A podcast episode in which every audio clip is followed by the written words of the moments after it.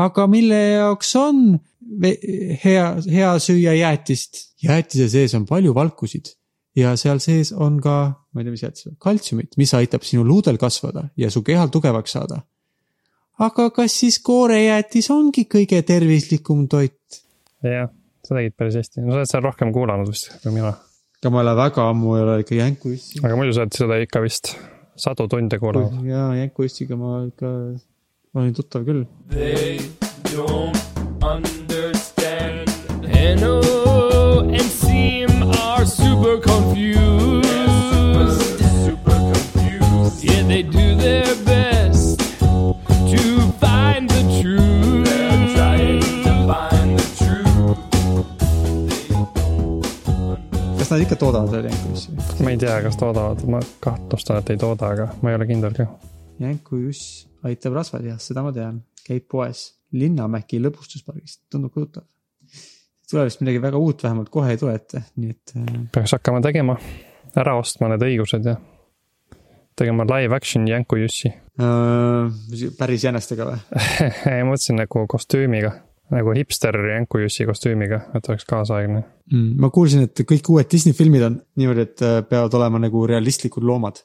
et siis Lion, Lion Kingis on kõik loomad nagu emotsioonitud. emotsioonitud jah, nagu vähemalt inimeste jaoks. ma kuulsin ka seda, aga ma pole näinud ise ühtegi materjali. et huvitav, kuidas seal siis on, et animaatorid tegid ja siis mingi sada iteratsiooni kogu aeg bossid ütlesid, et liiga palju emotsiooni. vaata seda lo-, näitas loomapilti, vaata seda looma, tal ei ole mingit emotsiooni. ja siis nad tegid uuesti ja uuesti ja uuesti ja. võib-olla on ikka lihtsam just siis, kui sa saad teada, et äh, sa pead tegema nii, nagu loodusfilmis näeb, siis vaatad lihtsalt äh, Blue Planetit või midagi ja kuidas loomad liiguvad ja mis nägu neil on ja siis teed täpselt seesama. noh, mõnes mõttes võib-olla jah, aga nad vist teevad tavaliselt nii, et mingid näitlejad nagu teevad referents videod ette, kuidas asjad, näod võiks liikuda ja asjad. Tegelikult nad vist just motion capture ivad enamasti isegi nägusid et siis tegelikult jah, näitlejad peavad olema emotsioonitud. kuidas sa nägusid motion capture'iga, sa pead näo külge panema mingisugused nagu andurid või lihtsalt mingid täpid joonistama või kuidas? minu teada peaks olema nagu täpid jah, aga variant, võib-olla on mingid liha, lihaste andurid on äkki täpsemad, et võib-olla see on ka variant. kuigi tänapäeval need süsteemid on vist nii head, et teoreetiliselt saab isegi ilma täppideta. aga kas sa oled kunagi motion capture'it teinud muidu? ei ole olen kasutanud nagu motion capture'i datat, aga mitte ise kuidagi seda üritanud teha. kas seda datat on nagu lihtne kasutada, et kui sul on mingi, teed mingi karakteri, siis ütled, liigu nüüd nagu see motion capture data, kas see on nagu sihuke? Äh, suht lihtne jah, et selles mõttes, et kui sul on nagu hea sihuke karakteri süsteem olemas.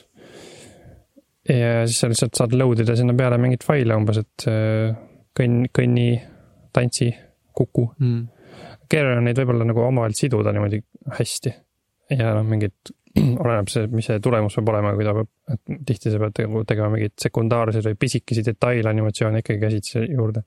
või kuidagi sättima natukene mingeid, mingeid keyframe'e mm..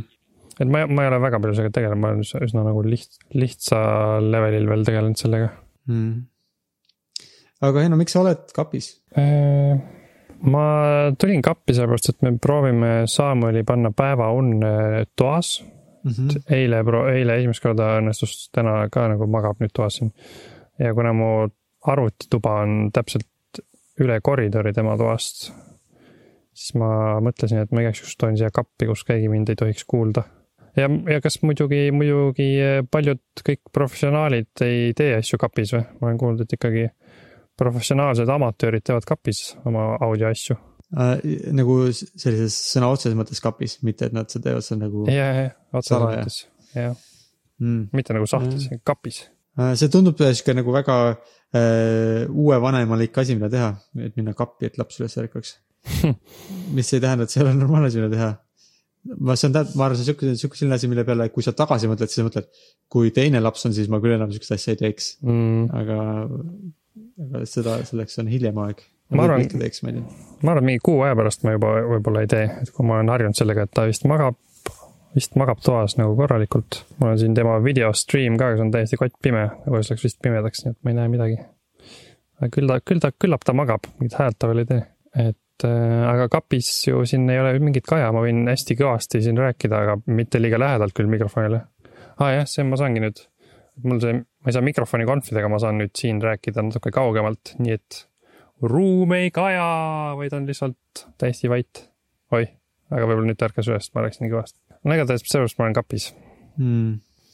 Äh, head seda, ma soovin sulle head äh, kuule maandumise viiekümnendat aastapäeva mm. -hmm.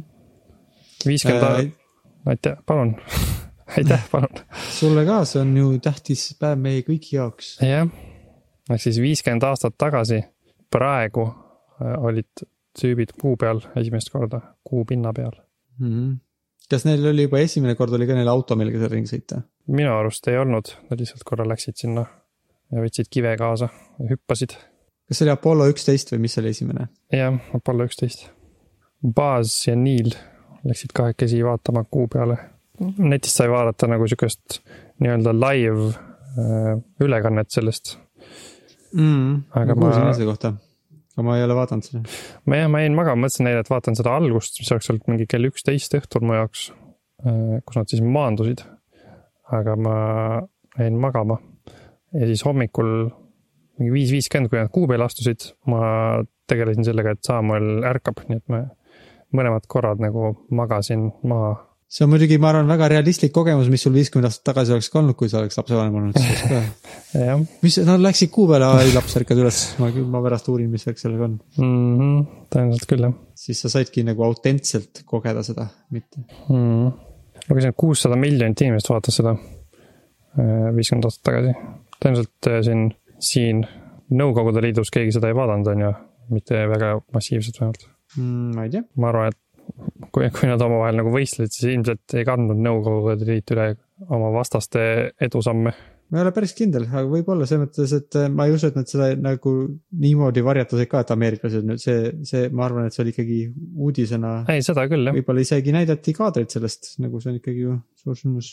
Did they show up moon landing in the Soviet Union? Ma ei tea, kuidas seda, sellele küll keegi ei vasta kohe. kuule no., One small step for Hollywood. mis asja, kuule, kas üldse nad käisid päriselt seal? aa, äkki nad ei käinudki seal? siin on kirjas, et see on üldsegi filmitud mm,. see on hoax äkki või mm? -hmm. aa, okei okay., selge. no me oleme sellest vist juba rääkinud mingis varasemas osas. vist midagi vist rääkisime jah. kuu teine pool, keegi salvestas kuulda, võib-olla episoodis üheksateist näiteks, ma olen päris kindel seal me rääkisime kuust. Äh, aga vist ikka päriselt käisid seal? vist ikka käisid jah, ma kunagi väiksena vaatasin, telekast tuli mingi film, et see on hoax ja siis ma natuke aega uskusin, aga ma suht kiiresti sain aru, et see, need on mingid lollid põhjused mm,. aga me pea, ilmselt paneme lingi sellele, kus saab, seda minu meelest seda, eks ju, seda sai reaalajas sai kuulata, aga vist saab ka järelkuulata, eks ju. sest et tegelikult see ongi nii-öelda järelkuulamine viiskümmend aastat hiljem. ma usun küll, et saab jah. keegi soovitas ka vist ma jälgin sihukest Scott Manley nimelist Youtube'i inimest, kes räägib kosmoseasjadest, siis ta soovitas seal, et keerata kõik need äh, erinevad kanalid peale, kui sa seda vaatad, et vist alguses muidu on ainult missiooni mingi juhtide jutt, aga et seal on teised kanalid ka huvitavad. okei okay.. et kui jälgida, siis võib seal kuulata, mis teised inimesed ka jutustavad. okay. sõltub vist sellest osast, aga muidu mõnes osas võib-olla ongi just nagu huvitavamad, kuidas teised seal. kas see on see apolloinrealtime.org? ma proovisin ka otsida, see kõlab päris usutavalt, üksteist. jah, saad siin alustada nagu üks minut launch'ini vajutud nuppu hakkab olema. okei okay,, võib-olla ma vaatan millalgi seda. see on vist päris pikk muidugi, terve see seda küll jah, ma ilmselt vaataks algusest natuke ja lõpust natuke mm. -hmm. võib-olla kui see Eestisse tuleb, siis me peame selle terve selle ära vaatama peame tegema mingi jah, Apollo watch party. kutsume kõik oma kuulajad ka kohale mm. -hmm. mõlemad kuulajad. jah, kusjuures kuulajate arvust rääkides ma kunagi millalgi ütlesin sulle, et äh, mingi kakskümmend inimest vist saavad, nagu on subscribe inud mm. -hmm. aga viima-, viimase osaga ma vaatasin nii, et ma, ma panin nagu päev hiljem selle nagu Facebooki õhtul. et siis tuli ikkagi nagu viiskümmend äh, allalaadimist tuli umbes täis enne, kui ma panin Facebooki midagi et see Facebooki postitus, ma arvan, tegelikult eriti ei tee midagi vist. et mulle tundub, et enamus nendest numbritest tuleb, tuleks nagunii, kui nad tulevad. aga noh, nagu me oleme rääkinud, me ei tea, mida see tegelikult tähendab, et kas võib-olla mingi inimese podcast'i äpp tõmbab seda iga kord, kui ta uuesti kuulama hakkab või ma ei tea. kas meil on vaja teada, kas tahame, võime kuidagi välja uurida? ma arvan, et ei ole vaja teada, aga noh, mul, mulle meeldiks teada, et kas meil on ikkagi kakskümmend kuulajat või viiskümmend kuulajat, aga noh mm eks kui see number läheb suuremaks, siis me saame teada, et meil on rohkem kui kakskümmend kuulajat ja nii edasi. kas sa muidu äh, SpaceX'i äh, kosmoselende, üksteist sa oled äh, reaalajas jälginud kunagi? kusjuures ma ei ole kunagi vaadanud neid reaalajas, ma alati näen nagu hiljem, et aa, oli, ma ei ole peale sattunud. ma olen Youtube'ist vist või, või ma ei tea, kas nad, kas nemad striimivad Youtube'is või igatahes kuskil ma olen vaadanud küll mõnikord, see on nihuke natuke on exciting küll, oo nüüd tõuseb ja siis midagi väga põnev, ühegi, ükski kord ei ole midagi väga põnevat juhtunud. tavaliselt kõik lihtsalt äh, läheb plaanipäraselt, aga on tore vaadata, kus nii, läheb kõrgemale, siis keegi seal kommenteerib, et nüüd varsti tuleb teine etapp ja esimesed need booster'id kukuvad alla ja. kas seal näitab nagu seda poolt ka, mis seal control room'is toimub või, kuidas inimesed seal pärast rõõmustavad ja midagi sihukest? võimalik, et seal mingid siuksed kaadrid on, paar korda, mis ma vaatan, on lihtsalt nagu on keegi spetsiaalne inimene, kes on nagu selle kommenteerimise see on tema töö ja siis ümberringi on mingid inimesed küll, aga see ei näe, vähemalt ei näe, mis mulle meelde tuleb, ei näinud välja nagu control room, see tundus pigem nagu SpaceX'i võib-olla, ma ei tea, kas töötajad või külalised mingis mm. ruumis nagu, kes nagu äh, olid kutsutud selle puhuks, mitte nagu sihuke, kes vaatavad mingite ekraanide taga ja jälgivad mingeid parameetreid. okei okay.. aga võimalik, et äh, seal, et mingid lõigud olid, kus küsiti kellegi käest, no et äh, kuidas teil seal control room'is läheb ja siis keegi kommenteeris väga hästi, umbes niimoodi. sihuke veits nagu ma ei tea, nagu hommikuprogrammi formaadis. okei okay.. aga okay. lihtsalt kosmoserakett lendab õhku. no võib-olla ma järgmine kord vaatan äh,. mingisugune äh,, hiljuti oli vist, ma ei tea, kas see oli SpaceX või see oli mingi muu, see oli vist mingi muu äh,, kellel ka, kes, kelle raketiga midagi halvasti läks aga siis neil oli vist hullult skriptitud, et kuidas see inimene ikkagi jätkuvalt rääkis, kuidas ja nüüd varsti jõuab ja hakkab siin midagi välja laskma, tegelikult juba lihtsalt mingite süsteemide pealt oli näha, kuidas rakett kukub tagasi alla ja ta ikka veel kommenteeris seal, et.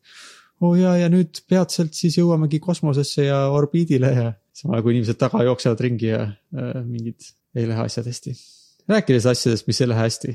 sul, sul oli üks huvitav asi, millest sa mõtlesid, et võiks rääkida, mis ei läinud hästi. sa mõtled see lennuk jah? ma kuulsin jah, et mingi lennukiga mingi lennuk oli kaduma läinud kunagi mm. -hmm. lennukiga oli probleem, mingi artikkel oli, mida paari, paar erinevat kohta nagu linkisid, siis ma mõtlesin, et okei okay,, okei okay,, ma salvestan selle ära ja siis, siis lõpuks ma viitsin seda lugeda ka, see on siis selle MH kolmsada seitsekümmend kohta, mis läks äh,, läks kaduma, suur lennuk Boeing seitse seitse seitse aastal kaks tuhat neliteist. MH-s on ju Malaisia lennuk mingisugune. Malaisia lennuk jah, ta jõudis Kuala Lumpurist õhku, pidi Pekingisse minema mm. -hmm kõlab hästi. aga ei läinud. kuidas saab nii sihukene suur lennuk, nii et ta lihtsalt ei läinud? ma arvan, et seda küsimust küsisid mingid tuhanded uudisteinimesed oma uudistesaadet saates mingitelt ekspertidelt, kes neile ütlesid, et ei tea. küllap vist äh, toimus mingi plahvatus või äh, mingi raketiga tulistati seda või terrorism või midagi sellist vast. ja kui ta niimoodi suur lennuk kaduma läheb lihtsalt. noh, niimoodi, see on ka asi, mida spekuleeriti, aga see ei tundu väga tõenäoline. miks, miks, kuidas siis ei, mis, mida me siis, kas on teada midagi selle kohta, mis selle lennukiga juhtus? no on küll jah, sellega oli nii, et Malaisia valitsus või kuidas öelda, Malaisia võimud hullult nagu kogu aeg eitasid igasuguseid asju, et ei, nad ei tea midagi. ei olnud mingit lennukit, millest te räägite jah, ei kadunud ära, maandus. et tegelikult nad nagu, ma täpselt ei tea ka, kui palju nad eitasid, aga nad eriti, noh, nad ei öelnud eriti mitte midagi, isegi need mm. pere ei teadnud midagi, lihtsalt, et noh sorry, me ei tea nagu midagi, aga tegelikult nad nagu midagi teadsid, nad teadsid seda, et, et see lennuk pööras umbes poolel teel järsult põhimõtteliselt ümber mm.. mitte Pekingi poole siis, vaid hakkas, hakkas nagu lendama India ookeani poole. see on siis natuke nagu lõuna või edelasse siis nagu edela poole, kuigi ta pidi nagu veits nagu põhja või isegi kirde poole lendama või? jah. ahah, okei okay.. ja siis nad teadsid ka veel tegelikult, et ta siis tegi veel üks hetk mingi sihukese kerge paremale pöörde, ehk siis ma lugesin, et nagu Kasahstani suunas, suunas. mitte mm. midagi ei ole seotud Kasahstaniga, siis Kasahstani suunas hakkas lendama. ja siis, äh, mis on tundunud kui, et viimane pööre, midagi sellist, oli nagu vasakule. et sihuke väga sega-, no igatahes äh, Malaisia valitsus midagi seda, sellist ei rääkinud, kuigi nad teadsid seda äh, ma nüüd sain teada ka, et Malaisia on väga, väga korrupeerunud äh, oma valitsusega. ja siis kahtlustati siin, et nad lihtsalt ei tahtnud neid asju öelda, sest et äh, mitte võib-olla tingimata sellepärast, et nad teavad täpselt, mis juhtus, vaid, vaid kuna nad on nii palju, nii palju korruptsiooni on seal, et nad ei taha, et keegi hakkaks midagigi uurima mm.. võib-olla tuleb välja mingeid halbu asju. see vist ei tundu eriti usutav, et keegi et aa, me ei tea, mis juhtus, aa okei okay,, siis me ei viitsi, vahet pole siis, et nagu uurima ju ikka hakatakse. jah, et siin nad ei öelda, aga kuidagi tuli välja vist, et ikkagi nende mingid radarid äh, salvestasid selle lennuki teekonda natukene ja siin on veel igasuguseid detaile, mis tuli välja, aga siis lõpuks, kui, kui enam nende radarid ka ei salvestanud, siis vist mingisugune UK satelliit äh, nii-öelda pingis seda, seal lennukit paar korda. ma täpselt ei saanud aru, seal oli seletatud, et kuidagi nagu Dopleri efektiga, ehk siis see on see, vaata, et kui sa, mingi asi liigub kiirabi liigub sinu poole, siis on natuke kõrgem hääl, kiirabil, kui läheb mööda, siis natuke madalam hääl.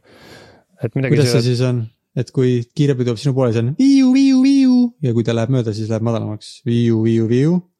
aga kuidas sa selle abil saad teada, mida sa selle abil saad teada, et kui kiiresti siis midagi liigub või? vist jah, ma seal nagu täpselt ei seletanud ka lahti, aga ma arvan, et siis äkki noh, kui see lennuk lendab äh, suhtes siis selle UK satelliidiga mingit moodi uh, -huh. et siis lisaks sellele, et ta saab ta asukohadest, ta saab äkki teada mingi hunnik neid äh, laineid siis, et äkki kus, igatahes nad said nagu ühe pingiga teada, et okei okay,, lennuk nüüd pööras järsku, nüüd hakkas järsku laskuma, et nad sai äh,, kuidagi nad Dopleri efekti abil said sellest aru mm.. sest et lennukid, eks ju, sireeni üldiselt sisse ei lülita, kui nad lendavad, see on siis. tavaliselt ei lülita. nagu ra raadio, raadiolained, mis lendasid lennukilt selle satelliidi yeah, peale yeah..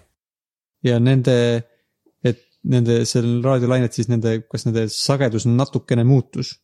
ja selle... siis nad said sellest aru, et see tähendab, et see lennuki kiirus muutus mm. -hmm. sest see, kuidas selle nimi oli mingi burst timing vist, ehk siis ilmselt see burst tähendab seda, et nad, ta vist jah, sai aru, kui palju laineid, kui, mis kiirusega vist see satelliiti tabasid äkki siis mm.. ja siis nad jah, said paar asja nagu, et eks mingi ühe pööramise said teada sellest ja siis selle, kui ta hakkas nagu alla järsult kukkuma. Kas see on nagu põnev, see, ma saan aru, et neid, see, ega see satelliidiga see lennuk ju kogu aeg nagu pidevas ühenduses ei olnud, see ei olnud nii, et nad kogu aeg pingisid üksteist jah, seal olid mingid paar sihukest pingi vist oli põhimõtteliselt. aga siis see lihtsalt juhtus sel ajal, nagu huvitavad asjad selle lennuga toimusid sel ajal, kui juhuslikult või kui see nagu pingid toimusid või? vist jah hmm.. Mm, või tähendab, ma ei tea, äkki, äkki enne tulid, olid ka ikka pingid enne seda, kui ta nagu tegi mingi kukkumise, aga, aga igatahes nad said selle kukkumise ajal ka mingi pingi kätte sellepärast, et see oli mulle küll huvi, ma saan aru, et neid pinge oli kas mingi kuus või seitse või nagu mingi selline suhteliselt väike arv. vist seitse jah. ja see lend kestis ka nagu tunde, võib-olla siis oli kas umbes seitse tundi või midagi sellist. ehk oligi üks kord tunnis ping või midagi sellist. vist selle esimese keeramise ajal, muidugi ei ole täpselt teada, mis seal lennukis juhtus, aga selle järgi, et missugused süsteemid mingeid andmeid kuhugi saadavad või ei saada. Vist oli kuidagi aru saada, et vahepeal lülitati mingid süsteemid välja ja hiljem võib-olla lülitati uuesti sisse et võib-olla see, et need süsteemid lülitati sisse selle pöörde nagu vahe, enne pööret, et see oli nagu osa sellest äh, protsessist, mis seal lennuki sees toimus ja võib-olla sellepärast see esimene pööre jäi sinna peale. aga see, et ta seal, kui ta lõpuks alla kukkus, ma ei tea, kas siis see, et on võimalik, et see ei ole nagu juhus, aga ega me muidugi ei tea sest lõppkokkuvõttes me vist ei tea, mis selle lennukiga juhtus, eks ju. lõppkokkuvõttes ei tea jah, siin artiklis nagu see autor pakub välja oma nagu realistliku spekulatsiooni Äh, mis on siis põhimõtteliselt see, et mingi hästi pika staažiga kapten, Malaisia kapten äh, Zahari tõenäoliselt ikkagi meelega tegi mingi sihukese imeliku asja. noh, tähendab, siin tuleb välja, et tõenäoliselt see kapten oli depressioonis ja tõenäoliselt ta tahtis lihtsalt alla kukkuda sellega või noh, igatahes mingit, midagi katastroofset teha endaga, ma arvan, mitte nagu meelega teistega, aga lihtsalt äh, on olnud varem ka siukseid asju, et mingi kapten on depressioonis ja siis ta lihtsalt sõidab lennukiga vastu merd või mäge. just hiljuti oli ka. Äh, see, ma ei tea, kas hiljuti võib-olla, milline see hiljuti oli? kas oli see? hiljuti oli see Saksa mingi lennufirma. German Wingsi mõtled? jah, crash'is Alpides, et seal tuli välja, et see co-pilot vist Andreas Lubits oli teada, et ta oli depressioonis ja siis ta ootas, kuni piloot, teine piloot läheb vetsu ja siis lukustas ta sealt välja ja siis äh, crash'is selles mägedesse noh, mitu korda on veel nii olnud, et ta toob välja, et kui keegi mõtleb, et miks üks kapten peaks tegema nii, et tapab kõik lennukis olijad ära sellega, et ta tahab lihtsalt ennast ära tappa, siis see on juhtunud. kõlab nagu absurdselt, aga nii on juhtunud varem ka. Mm.. et see on, see on üks asi, mida ma olin ära unustanud vist selle uudisega seoses, ma miskipärast olin, oli jäänud mulle meelde, et keegi ei tea põhimõtteliselt eriti mitte midagi, lihtsalt et äh, imelikult lendas. aga see ikkagi, et see on jah, noh, eriti varianti ei olnud vist, et see on mingi kaaperdamine äh, ja ei olnud varianti, et see on kuidagi mingi terrorismi asi. Mm.. Malaisia valitsusega oli see asi ka, et äh, nemad ütlesid, et see kapten oli õnnelik ja hästi, heas pere, hea pereeluga, hea, kõik oli hästi selle kapteni juures, aga tegelikult ei olnud, et nad, see oli ka üks asi, mida nad valetasid igaks juhuks vist avalikkusele. muidugi on ka palju juhtunud, eks ju, Ameerikas just palju, aga omajagu juhtunud siukseid asju, kus äh, äh, piloodid kaotavad äh, teadvuse mingi, kas on äh,, kas on seal lennukis äh, tekkinud mingi auk, kust õhk välja pääseb ja nad ei jõua piisavalt kiiresti reageerida või mingisugune muu probleem, mis neil juhtub. ja siis võib see lennuk lennata veel tükk aega, eks ju, ta võib. kas, kui ma otsisin, siis kõige kuulsam, mis, mida ma vist olen ka varem kuulnud, on Helios Airways flight viissada kakskümmend kaks mis lendas äh, Küproselt Küproselt Ateenasse, kus vist äh,. ma ei mäleta nüüd, mis siin täpselt juhtus, aga põhimõtteliselt äh, piloodid kaotasid teadvuse ja lennuk lendas lihtsalt tükk aega äh,. kedagi seal seda juhtimas ei olnud, autopiloot lendas seda edasi, seni kuni kütus otsa sai ja lennuk alla sadas taevast. aga see, aga see, see siis, see sarnane teooria selle Malaisia lennu puhul siis, kas ei sobi või? no seal minu arust olid suhteliselt sajaprotsendiliselt vist aru saada, et, et mingid elektrisüsteemid, mida peaks kunagi välja lülitama, on nagu inimese poolt välja lülitatud.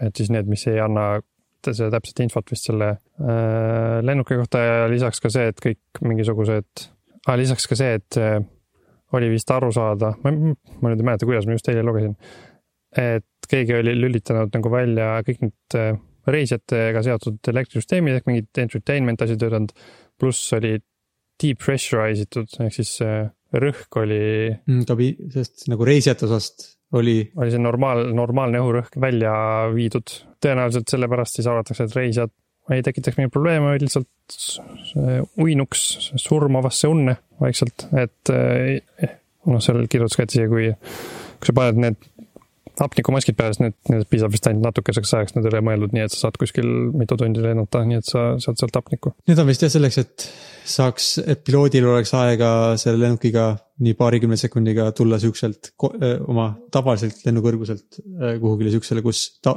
välisõhurõhk oleks inimestele hingatav. aga vist nagu mõni minut on see pigem kui tunnid jah. jah no igatahes oli jah aru saada, et keegi on teadlikult otsustanud, ta lülitab mingid asjad välja ja teeb mingisuguseid asju, et see ei, ei tundunud nii, et need asjad saab lihtsalt juhtuda kuidagi mingi erroriga. ja siis üks huvitav asi ka, mida ma mäletan, kui uudistes oli, et see FBI leidis selle kapten Zahari, Zahari, Zahari kodust äh, selle mingi simulaatori, mis ta oli ehitanud endale. ja et äh, sealt leiti täpselt see samasugune, selle lennu profiiliga simulatsioon. aga siis öeldi, et aga samas seal, tal oli tuhandeid simulatsioone, et noh, see pole imelik, et tal, et see lend ka oli. aga siis keegi teine vist uuris seda infot, mingi entusiast, ja siis ta avastas, et see oli ainus lend tema seal tuhandete simulatsioonide seas, mis, mida oli nagu niimoodi edasi-tagasi scroll itud ja pooleli jäetud ja et noh, ta oli, ilmselgelt oli seal seda lendu kuidagi teistmoodi uurinud oma simulatsioonis kui kõiki teisi. et see on päris oluline info vist selle, selle nagu variandi kohta, et see kapten tegi meelega mingeid asju. aga kui ta, sa mainisid, ta lülitas igast elektrisüsteemid välja, mis nagu selle lennuki asukohta või et olid välja lülitatud vähemalt äh, need süsteemid. kuidas siis üldse on teada, kuidas, kus see lennuk asub, et sa mainisid mingit radarit vist, kas on siis radari, radariga jälgiti selle lennuki teekonda hmm.? siin oli erinevaid, erinevaid asju, et kõigepealt ma nüüd ei tea, mis radar, ilmselt mingisugune, nii, primer radar, äh, sihuke esmane, esmane radar on lihtne, lihtsalt pingib asju, mis ta, mis on nagu taevas. mis tähendab pingib? et äh, ilmselt, et sa vaatad seda ekraani ja siis, kui midagi on taevas, siis on seal mingi täpp ah,, seal on mingi asi. aga air traffic control kasutab sihukest süsteemi nagu sekundaarne radar, äh, mis siis vist suhtleb lennukil oleva transponderiga mm,. okei okay. et ma saan aru, et siis põhimõtteliselt siis see poole tee peal kui ta oma esimese pöörde oli, et siis ta vist kadus sellelt air traffic control radarilt ära vist. kui ma õigesti aru saan ja siis äh, oli lihtsalt näha primary radariga, et okei okay,, see lennuk lendas sihukestes kohtades edasi ja siis lõpuks vist üldse, seda ma täpselt ei tea, kelle radar, millal seda pingis, et vahepeal vist Malaisia enda radar, vahepeal vist mingi Vietnami radar vot seda ma täpselt ei tea jah. selle nagu selle kaardikese pealt, mis siin, me loeme ühte sihukest artiklist, kus me vaatame seda. on sihukene pildike ja sealt tundub, et ta nagu sinna Vietnami kanti väga üldse ei jõudnudki, et ta oli nagu, nagu ookeani kohal, aga keeras siis kähku otsa ümber ja tuli ta nagu tagasi Malaisia poole. nojah, ta oli Vietnami ja Malaisia selle piiri peal vist. ja muidugi ta lendas seal Tai ja Indoneesia vahel muidugi ka aga ühesõnaga mingisuguse radariga õnnestus natukene jälgida, kus see lennuk tõenäoliselt on, et selle radariga saab siis teada nagu tõenäoliselt, mis suunas ja kui kõrgel ta umbes on siukseid asju, eks ju. et on lihtsalt teada, et seal on mingi objekt, aga seda, et, et kas õhurõhk on lennuki kabiinis või mida seal tehakse, seda selle nagu radariga, sellega teada ei saa, eks ju, see peab tulema kuskilt teist, aga kuidas, kuidas siis on teada, et, et õhurõhk muutus? Circumstances suggest mm.. Uh, circumstances suggest that whoever was at the controls deliberately depressurized the airplane aga ma ei tea mis, mille järgi nad seda siis teada said. mul on siin mingi artikkel, kus on uh, The Sun, väga kollane Briti ajaleht. Death Trap MH three seventy pilot killed all passengers by slowly suffocating them when oxygen was cut off before crashing in murder suicide. Experts claim, need eksperdid väidavad seda, aga miks?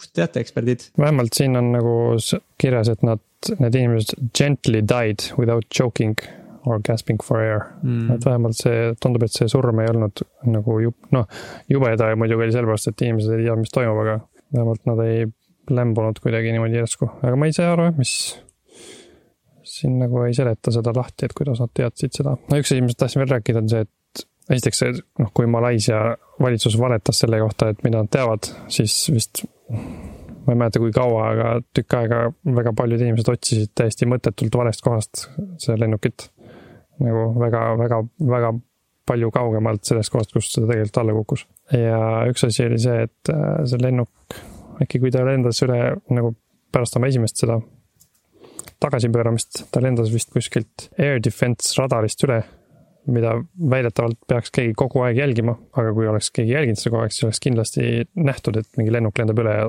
oleks saanud Malaisia hävitajad minna seda vaatama aga Malaisia see välispeaminister ütles, et ei, et me ei näinud nagu midagi ja isegi kui oleks näinud, et me poleks ju läinud hävitajatega seda lennukit vaatama, sest et mis sa ikka seal teed muud, kui seda alla lased mm. -hmm. tegelikult on olnud küll vist nii, et hävitajad saavad minna vaatama, et mis värk on, isegi saavad kokpiti vaadata oma sealt ja lennukitest ja noh, teada, et mis toimub jah, mul tuleb meelde, et ühe sellise selle kummituslennukiga, kus äh, nagu piloodid olid teadvuse kaotanud vist isegi oligi mingi hävitaja lendas selle kõrval ja ta nägi, kuidas äh, keegi ilmselt äh, stew-, stjuarditest või stjuardessidest proovis lennuki üle kontrolli saada oma lühikese hapnikuvaruga, mis tal oli, aga, aga ei suutnud, et oli näha, kuidas nagu keegi seal askeldab ja proovib midagi teha, aga siis jäi, lõppes see ka ära ja siis lõpuks kukkus lennuk alla.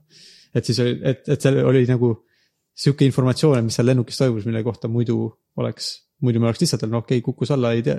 no ilmselt oleks mustast kastist või kuskilt nagu informatsiooni saanud, aga seda, et seal keegi inimene mida ta tegi, seda ei oleks, seda infot ei pruugiks meil ollagi. aga see, need äh, Dopleri asjad ja need pingid, mis sealt saati, nad lihtsalt aeg-ajalt, see mingi satelliit võttis ühendust. ja siis vist selle järgi, et kui kaua aega läks nagu selle satelliidi ja lennuki vahelise pingi edasi-tagasi liikumise, et selle alusel me nagu, me ei tea nagu täpselt, kus see lennuk oli. aga on teada, kui kaugel sellest satelliidist oli ja kuna on teada, kus see satelliit on nagu kosmoses, siis võib nagu enam-vähem arvutada välja mitte lennuki asukoha, aga siukse nagu tõmmata siukse suure ringi gloobuse peale, kus seal selle kuskil selle ringi peal peab see lennuk olema. jah, ja siis vist eksperdid said selle veel mm, kitsamaks teha, arvutades välja, et kui palju kütust tal oli või ühesõnaga, et kui, kui kaugele ta oleks võinud lennata mingitel tingimustel, et jah, siis sai selle kaare peal nagu sektori teada põhimõtteliselt. nojah, et see kaar on nagu nii suur, et suur osa sellest kaarest võib kohe välistada, et lennuk ei, ei jõuaks nii kiiresti sinna lennata ja tal ei oleks kütust ja siuksed asjad mm. -hmm. et, et kui sul on siukseid palju kaari, siis lõpuks sa võid enam-vähem nagu nendest kaartest siukse siirike joone läbi tõmmata ja olla nagu enam-vähem kindel, et kuskilt sealt kandist see lennuk lendas. üks asi, millest ma sain aru, on see, et nad said selle viimase pingi järgi enam-vähem aru, et äh, see lennuk on väga kiiresti hakkas laskuma, ehk siis põhimõtteliselt kukkus alla. Nad said vist ka kuidagi aru, et see lennuk läks suht järsku nagu väga paljudeks tükkideks aga ei tea, miks. see, mulle tundub, et see oli lihtsalt nagu projektsioon või no see prognoos selles mõttes, et ta oli väga kõrgel ja siis hakkas väga kiiresti laskuma. et siis see on ainult loogiline, et ta läks katki, et sellepärast ta nii kiiresti lasku või? no et see ei olnud siukene nagu mingi vaikne sujuv vette nagu plärtsatus, vaid see oli siukene nägu ees taevast täiskiirusel alla sadamine, et äh, lihtsalt selle tulemusena ei jää sellest lennukist midagi alles. ma lugesin selle vähemalt, ma ei teadnud, kas see on kogu informatsioon, aga see, et et see kogu see kab, kabiinist õhurõhu vähendamine, et see võib olla nagu, et inimesed arvavad, et küllap see kapten tegi seda, et noh, et lihtsalt, et muidu tal oleks seal mingid tülikad inimesed taga, kes karjuksid ja taoks ukse peale. et võib-olla see nagu, kui sa tahad vaikuses äh, lennata rahulikult, siis sa võib-olla ei soovi seda mm,. okei okay., et, et kui sa kavatsed mingit sihukest asja, siis on ainult loogiline, et sa teed sellist asja ka, jah. ja vist seal lennu kõrgus ka, et ta muidu lendas seal madalamal, aga ta siis tead mingiks perioodiks äh, tõusis väga kõrgele ja see, seda nagu siis idee on vist selles, et võib-olla ta siis nagu ühtlustas selle õhurõhu reisijate, ütleme lennuki sisemise ja välimise osa vahel ja tõusis väga kõrgele, et õhurõhk langeks madalale. sest et seal kõrgel on väga madal õhurõhk, et kui ta nagu piisavalt madalal lendaks, siis sa võid selle, siis inimesed jäävad lihtsalt uimaks, aga kui sa lendad väga kõrgele, siis suhteliselt kiiresti neil kaob nagu hapnik ära ja jäävad inimesed väga uniseks ja lõpetavad elutegevuse. nii et see on siukene nagu äh, jah, nagu, et seal ei ole, vähemalt ei jäänud muljet, et neil oleks mingi, et lennuk saatis mingisuguse info, et õhurõhk on praegu madal, vaid pigem, et lihtsalt, et äh, mõne selle mõne infokillu alusel, mis meil on, võiks arvata, et, et, et võib-olla see toimus. ja siis seal artiklis suur osa oli ühe tüübi kohta, kelle nimi oli äh, Blaine Gibson kes oli põhimõtteliselt mingi sihuke üks mees, kes tahtis leida selle lennuki juppe mm. ja ta leidis päris palju lennuki juppe lõpuks. ma täpselt, mul jäi mulje, et mingi kakskümmend või rohkem. et see oli päris huvitav, et mingi sihuke tüüp käis ringi ja otsis ja no rääkis muidugi ekspertidega, et kus ta võiks otsida. aga lihtsalt keegi teine miskipärast ei, eriti ei otsinud. ja mulle meeldis ka, et tema see lähenemine oli sihuke osalt nagu teaduslik et ta nagu uuris, et nende ookeani vooluste ja asjade nagu ekspertide käest, kuhu nad arvavad, et need tükid võiksid jõuda. aga siis ta läks sinna nagu koha peale ja hakkas mingite kohalike kalameeste ja sihukeste käest uurima, kuulge, et kuhu kohta asjad tavaliselt jõuavad rannas või. Ja siis kalamehed oli, et kui meil mingi võrgud kaduma lähevad, siis me läheme sinna, tavaliselt nagu jõuavad sinna ja siis nagu ta käis nendes kohtades ja leidis sealt tükke, et sihuke. pani kokku sihukese nagu äh, kohaliku rahvatarkuse äh, sihukese keerulise modelleerimisega. jah, ja siis ta ka mingis kuskil külas ta vist ütles kohalikele, et ta annab raha nagu nende juppide eest ja siis üheks ükskord andis nelikümmend dollarit mingi jupi eest ja siis kogu küla vist sai mingi mitmepäevase siukse peo teha, sest seal on odav rumm mm. -hmm. sellel mehel oli lapsest peale vist mingi sihuke eesmärk, et ta tahab igas riigis käia ära ja siis see läks nagu hästi kokku tema selle, selle asjaga, et okei okay,, ma lähen käin siis seal Madagaskaril, lähen vaatan Mosambiiki, pole käinud seal saangi seal ära käia ja siis ma ei tea, kus ta veel käis, äh, mingite väikeste saarte peal. et õnneks see oli sihuke mees, kes tahtiski käia igal pool, kus ta pole käinud. ja see muidugi, ma ei tea, kas nüüd nende tükkide alusel me muidugi väga palju teada saime, sest et mõned tükid olid juba ka enne ära leitud ja ilma tematagi, selles mõttes, et tema kindlasti lisas suure panuse sellesse. aga üldiselt vist ka siuksed nagu vabatahtlikud ja äh, nagu inimesed, kes ei ole otseselt äh,, kellel ei olnud nagu töökohustusroll äh, seda lennukit otsida, on ka ikkagi vist omajagu aidanud, et, et tema on nagu üks näide sellest, aga vist on ka mingid organisatsioonid, mis on nagu kuskilt vabatahtlikud, on kokku tulnud ja midagi uurinud või otsinud, kes on nagu aidanud nagu täpsemalt aru saada, mida, mis selle lennukiga siis juhtuda võis. jah, neid ma saan aru päris palju jah, et osad äh, uurisid mingit, mingit satelliididatat, mõned äh, ja mõtlesid, et mis selle mehega võis juhtuda ja uurisid tema tausta, kaptenit. ja nad siin üle mitme aasta nagu tegelesid sellega. no see on nagu, kui mingi, ma ei tea, kui sa lähed Redditis mingi making murder Redditisse, siis ka inimesed arutavad sellest, mis juhtus, aga ma ei, ma ei tea, kui palju uut informatsiooni nad saavad, aga vähemalt selle nagu selle MH kolmesaja seitsmekümne puhul on ka need ametlikud äh, nagu Austraalia valitsuse poolt korraldatud äh, see mereotsing näiteks vist kiitis ühte seda gruppi, et nad andsid neile väga kasulikku infot, mille alusel nagu äh, paremini õiges kohas otsida, et.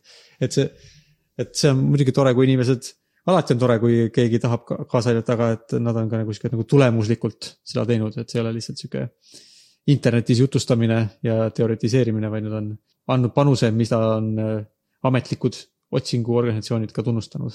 Independent Group on see, kuidas seda gruppi nimetati, kes vabatahtlikest koosnes ja tegeles sellega mm,. see kapten jah, kapteniga, ma ei tea, kui palju see uudistes välja tuli, ma ei mäleta, et oleks tulnud välja, et ta tegelikult äh, elu oli sihuke veits kehv, et abielu vist äh, oli halb, elas üksi juba, lapsed olid suureks kasvanud, ta oli üsna sihuke üksik mees ja see autor rääkis ka tema mingite tuttavatega, et siis sai aru ka, et ta ei olnud nagu sihuke õnnelik mees, nagu temast, temast mulje jäeti. isegi jah, tema sõbrad umbes ütlesid, et no jaa, et see tundub küll uskumatu, et ta seda tegi, aga et nemad olid, et ka tema tuttavad olid jõudnud järeldusele, et, et, et, et see on nagu ainuke variant, mida ja nad on nagu leppinud sellega, et küllap ta siis tegi seda. see on jah, see mulle selle German Wingsi puhul tuleb ka meelde, et see nagu vaatad, kui, kas sa vaatad seda Air Crash Investigationsit mõnikord, sellist seriaali? jah, vaatan mõnikord. seal tavaliselt nagu alati lõpus nad nagu loetlevad, et mida siis nagu, äh, et mida me nagu õppisime, mida meie, mida lennunduskogukond õppis sellest äh, õnnetusest ja mida muudeti või tehti paremaks, et vältida sarnaseid õnnetusi.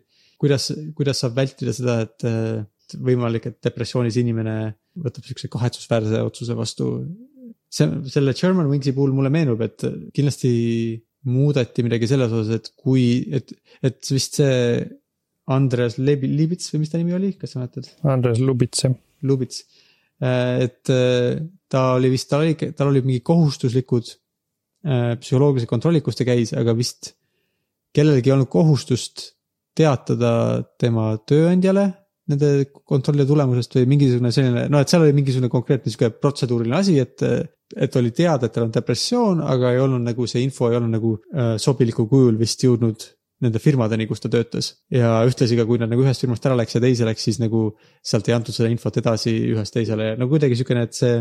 sihuke nagu privaatsusreeglid ei võimaldanud sellel infol jõuda õiget nagu, et otsustajate kätte, kes saaks öelda ei, ta ei peaks ikka nagu lendama. ja siis vist muudeti midagi, et kuidagi, et, et, et piloodid kes nagu suuri lennukeid juhivad, et nende puhul ikkagi peab see info jõudma, sest et see on nagu tähtis. selle German Wingsiga vist tuli sihuke uus muudatus ka, et alati peab olema vähemalt kaks meeskonnaliiget kokpitis, et noh, siis vaata, ta sai üksi jääda sinna ja ennast kinni lukustada. et siis, kui kaks on, siis on vist natuke väiksem tõenäosus, et kaks inimest tahavad koos sihukest asja teha. isegi on ju mõnikord hakkab silma, kui piloot tuleb välja, et siis peab see äh, keegi äh, stjuarditest või stjuardessidest peab minema sinna äh, kabiini selleks ajaks teisele piloodile seltsiks. muidugi kokkuvõttes need väga tugevad uksed, mis lennukid eh, kabiinidel on, need on ka muidugi olnud omakorda kunagi ju, eks ju, lisatud lennukitele, et vanasti vist ei olnud siukseid uksi. Eh, ja siis, eh, kui kaaperdati lennukeid ja olid terrorismikartused, siis muudeti neid uksi ja tehti kõik palju tugevamaks. et mõnes mõttes, ma ei tea, mõnikümmend aastat tagasi võib-olla ei oleks saanud sihukest asja juhtuda, sest et lihtsalt võib-olla see oleks uks olnud, aga üsnagi peatselt oleks teine piloot selle ukse sisse tagunud ja pääsenud takistama teist pilooti. see on huvitav, kuidas äh, ühe õnnetuse vältimiseks kasutusele võetud meede võimaldab teise õnnetuse liigi. ja ma ei noh, kes seda oleks võinud seda ette näha muidugi ka, et kuule, et paneme siia tugevamad uksed, aga kuule, äkki siis keegi lukustab ennast siia sisse. nojah, see on sihuke asi, et peaks tegema brainstorm'i ja mis kõikvõimalikud asjad veel nagu mille pärast. aga kes see nagu võtab seda tõsiselt ka, okei okay,, brainstorm'id küll, okei okay,, see on üks variantidest, aga siis nagu mingid inimesed peavad otsustama, kui tõenäoline see on. kui oleks õiged inimesed äh, toas peale seda brainstorm'i, kes on, on ütleme siuksed äh, psühholoogia eksperdid, kes võivad öelda, jaa, ei siin, see on usutav küll, see võib juhtuda. siis, äh, siis võib-olla, aga ma kujutan ette tavaliselt, kui on mingisugune boss, kes peab otsustama, okei okay,, mida me siis nagu teeme, kui tal juhuslikult endal ei ole sellist kogemust või ta ei ole väga sihukene, et tahab väga paljude inimestega nagu konsulteerida enne, siis äh, on lihtne siuksed, siuksed asjad kohe silma vahele jätta. aga MH kolmesaja seitsmekümnest meil on siis, sealt mul on vist ka äh, mingid muudatused on nagu tulnud, et äh, kas ei ole mitte nüüd nii, et, et lennukitel on mingisugune sihuke transponderi süsteemilaadne asi, mida ei saa, kas, et ei saa välja lülitada, kas on, kas see võib olla selline asi? Või ütleme, keerulisem välja ehitada. midagi sihukest oli küll ja ma mäletan, siis oli ka vist põhiliselt see küsimus, et mik-, et kuidas on võimalik, et me lihtsalt, et me ei saa kogu aeg vaadata, kus mingi lennuk on. Äh, et ma ei tea, kas nüüd see, et kunagi oli jutt ka, et noh, see on tegelikult tehniliselt väga võimalik, et aga ma ei tea, kas see nüüd viidi sisse ka, et nii on. Mm, sarnaselt vist ka see nagu asukoha teema, et kuna tükk aega selle MH kolmesaja seitsmekümne puhul ei olnud teada, kas me üldse nagu ei ole, mis ta asukoht on noh, sest et võib-olla see sõjaväeradari inimesed ei tahtnud öelda, mida nad teavad. ja see Inmarsati satelliidi lahendus, see oli pigem nagu sihuke häkk, nagu see ei olnud mõeldud selleks, et tuvastada millegi asukohta, lihtsalt äh, see satelliidifirmas, siis inimesed otsustasid, et, et kuule, et võib-olla me saame selle info alusel, et proovime ja nad siis nagu uurisid oma selle andmeid ja siis nad said nagu, said selle info kätte. Aga et see, et lennukid võiksid, eriti suured ja kallid, väga paljude inimestega lennukid võiksid kogu aeg edastada oma asukohta ja üldse igasuguseid siukseid tehnilisi andmeid. Äh, et seda vist ei tehta, sellepärast et see on natuke kallis, seda peaks nagu üle satelliidilingi saatma, mis on nagu, ta ei ole vist midagi kallis võrreldes muude kuludega mis ühe lennuki lendamisel on, aga ta on nagu sihuke noh, et ta ei ole nagu ta ole nagu, aa, et see maksab nagu kümme krooni ettevõtmine, et selle, et sellepärast seda nagu niisama ei tehta, aga nüüd, et võib-olla peale seda.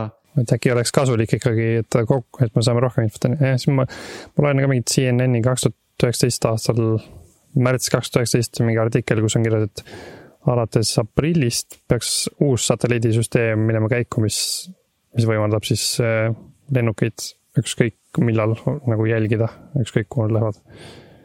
Et ma ei tea, kas see siis nüüd läks ka, aga et nüüd, nüüd neli, ei viis, viis aastat hiljem, kui see on, noh, loodetavasti see on viis aastat hiljem, see on võimalik. ma ei tea, kas see on nii. et enne oli jah, siin on kirjeldatud justkui äh, patchwork of radars, et nagu, et enne lihtsalt pingis ühte radarit, siis pingis teist radarit, aga nüüd, nüüd peaks olema mingi pidev track imine võimalik mm.. see on mingi travel pulse.com'is on mingi artikkel, okei okay,, automatic dependent surveillance broadcast, kahekümne, kahekümneks aastaks iga sekund pead oma asukohta saatma mm,. okei okay., see on päris hea. Underwater beacons äh,, vist pidid kolmkümmend päeva vastu pidama, nüüd peavad üheksakümmend päeva vastu pidama. no loodetavasti siis meiega ja meie lastega ei saa mingit sellist asja, konkreetselt sellist asja juhtuda. või kui saab, siis pärast on väga täpselt teada, mis juhtus. jah, või saab kohe minna fighter pilot itega kõrvale inimesi eh, lennuki pealt ära võtma. see vist veel ei ole võimalik, aga võib-olla saab fighter pilot hüpata sinna lennukisse ja siis üle võtta kontrolli. ma nägin küll mingis filmis sihukest ja see on vist päris reaalne, ma arvan. see tundub realistlik. ma olen ka kuskil filmis seda näinud. võib-olla me peaks hakkama nüüd lõpetama, kui me selle kokku võtsime ilusti. võib-olla küll. Need lennuki asjad on üldse huvitavad, ikka see, kuidas, ma arvan, et vist sellest MH370-st on ka Air Crashi osa vist olemas võiks juba olla, neid viis aastat tagasi juhtus, on ju. mul on siuke tunne, ma olen äkki isegi näinud seda hmm.. ma küll, ma kindlasti ei ole, äkki ma vaatan täna seda.